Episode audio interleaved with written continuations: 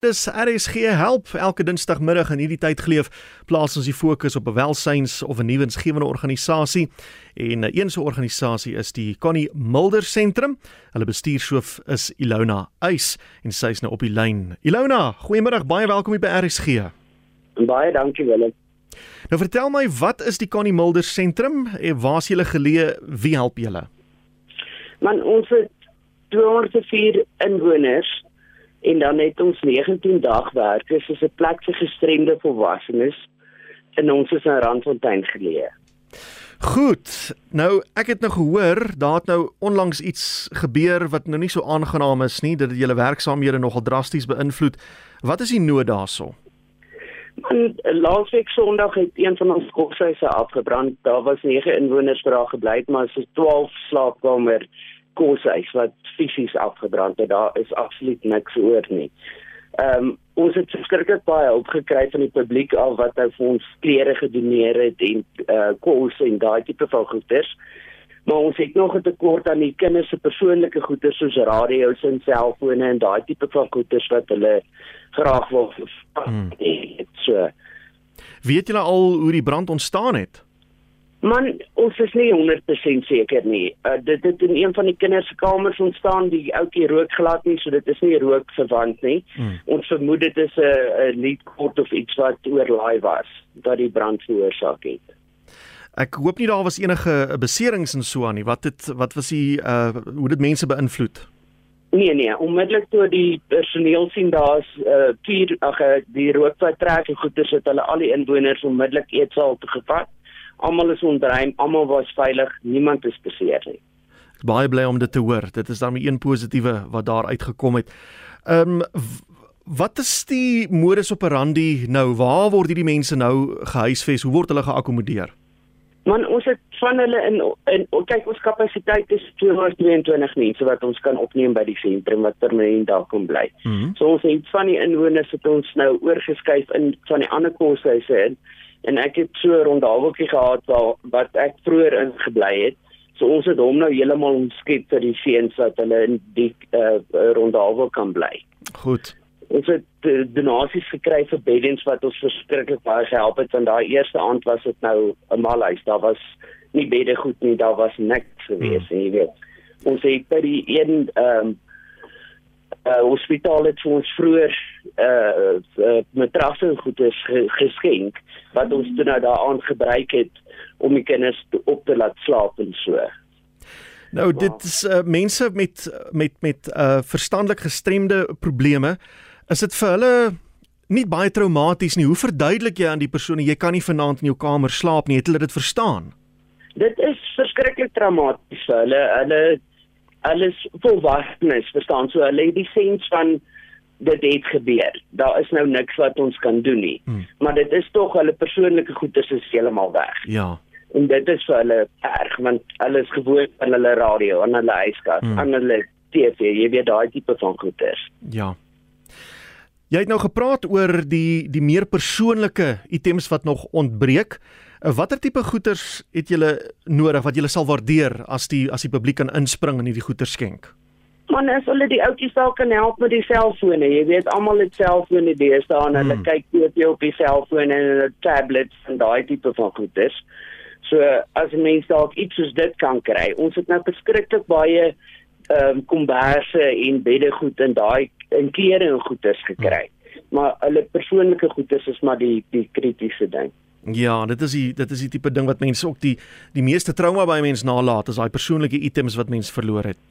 Ja, hulle sertifikate, hulle foto's, daai tipe wat goed nooit vervang kan word. Ja, daai goed gaan mense ongelukkig nie kan vervang nie. Ja. So, kom ons gesels bietjie oor die Connie Mulder sentrum oor die algemeen. Hoe lank bestaan hierdie instansie al? Man, die hoeksteen is gelê op die 20ste September 1975. Mhm. Mm en hoe lank is jy al daar betrokke? Ek is so 14 jaar daar. 14 jaar al. Ja. Hoe het jy daar betrokke geraak? Man, ek het ingekom as 'n finansiële bestuurder en toe nou in 2021 oorgevat as die hoofuitvoerende beampte. Mm. So jy jy jy's heeltemal op hoogte ook wat met die finansies aan die gang is want dis waar jy gewerk het. Absoluut, absoluut. En uh, hoe lyk die finansies as ek mag vra? Is dit maar 'n moeilike storie? Meeste keer, meeste van die keer as ons gesels met hierdie tipe instansies, is finansies maar die grootste uitdaging. Kyk, ons kry ons subsidie van die staat af, maar dit is maar min. Hmm. En dan moet 'n ouma vind 'n uh, uh, fundraising event hê om fondse in te samel. So ons het nou die einde van die maand byvoorbeeld op die 28ste het ons 'n bingo aan. Ah, vertel ons bietjie meer. Ja. Is, ja. So dis 28 so dan, Julie. Ja, is ons bingo aan. Mhm. Mm waar vind dit plaas? Ja, by die Connie Mulder sentrum in ons eetsaal. Goed. En moet mense registreer, moet hulle bespreek hoe werk dit?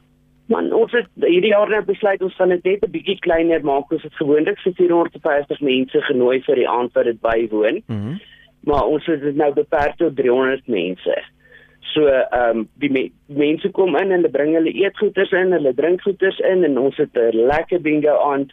Dit is meeste jong mense wat dit bywoon en dit is verskriklik baie groot uh, genot. My jene meestal jong mense, wat vertel jy my nou? Ja, nee, bingo is hier so in Randfontein groot, jong. Goed, en uh, as uh, iemand 'n bietjie meer inligting wil hê, het jy 'n Facebookblad of 'n uh, of 'n telefoonnommer of so iets? ons het 'n webwerf uh, Connie Mulder Center en dan ons kantoornommer is 011 mm. 278 9904 en dan het ons die, uh, ja ons het eintlik twee webwerwe ja Die ander een is maar meer vir die ouer komitee. Goed, goed, ek sien. Ek wil net seker maak ek het die nommer reg neergeskryf 011 278 9904 het jy gesê. Ja, 4556. O, goed, as hy het hom so. En as hoe werk as ons nou verder net vinnig bietjie oor die befondsing kan praat, die die inwoners, tot watter mate ja. dra hulle familielede by? Is, is daar is daar fooie wat betaal moet word?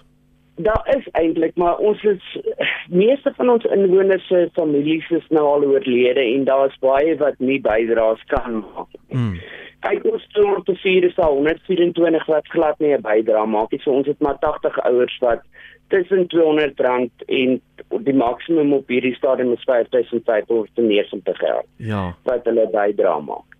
So dit gaan maar skram en met die COVID saam het ons verskriklik gekry dat die mense dit nie meer kan bydra nie, verstaan? Ja, ja. En meeste van die kinderreiskinders wat nou uitgaan, kom basies na ons toe. Goed, ek sien. En, en dan het jy geen bydrae nie, jy het net die disability grant. Ja, ja. Die inwoners is hulle meestal van die omgewing of hoe wyd is julle is julle rykwyte?